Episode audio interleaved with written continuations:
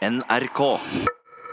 Verden roterer, du har sengesnør, det er umulig å få fota seg, og du er helt edru. Bortkasta. Doktor Munkvik, hva tenker du når du får en beskjed om at du har en pasient som vil komme pga. svimmelhet?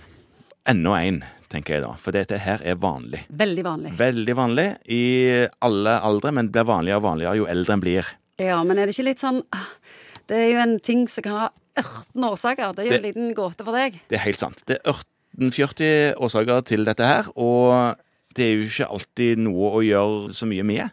Man må bare utelukke de tingene man kan gjøre noe med, og de alvorlige tingene. Ja, hvordan går du fram, da? Ja, hvordan går en fram?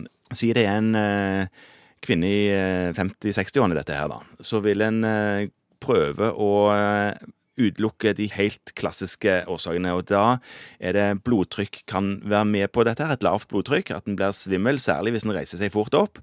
En annen ting kan være at man har lavt jern og lavt hemoglobin. Da har man lav blodprosent, som de eldre vil si, og da har man ikke nok oksygentransportkapasitet. Da vil man òg kunne bli svimmel. Men så har du de andre tingene som skyldes eh, overforkalkninger, f.eks. i kar som går opp til hjernen.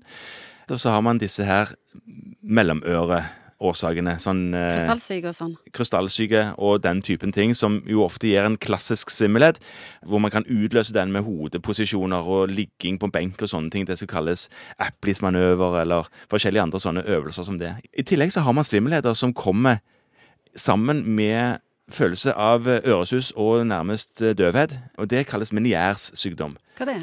Ja, Man vet ikke kanskje helt nøyaktig hva det er for noe, men symptompakken er liksom anfallsvis svimmelhet og øresus. Og, og, Og medisinene? kan det være oppkast? Nei, det er ingen veldig god behandling, men man kan forsøke forskjellige medikamenter, men det er ingen ensretta behandling der.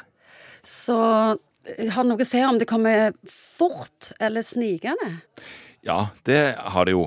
Akutt innsettende svimmelhet vil jo være noe som en eh, vil ta litt fortere tak i og utelukke sånne ting som er sentrale, som så har med ting inni hodet å gjøre.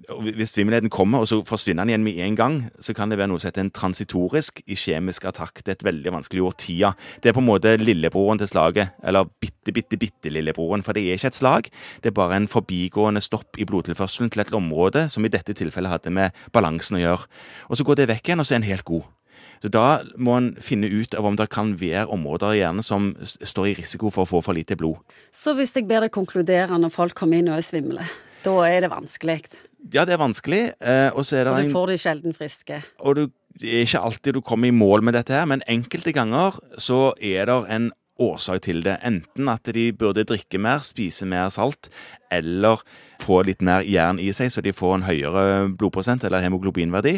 Og så enkelte ganger, en meget sjelden gang, så finner en årsaker som det er mulig å få gjort noe med på sykehus. Og da blir du glad. Det gjør både jeg og pasienten.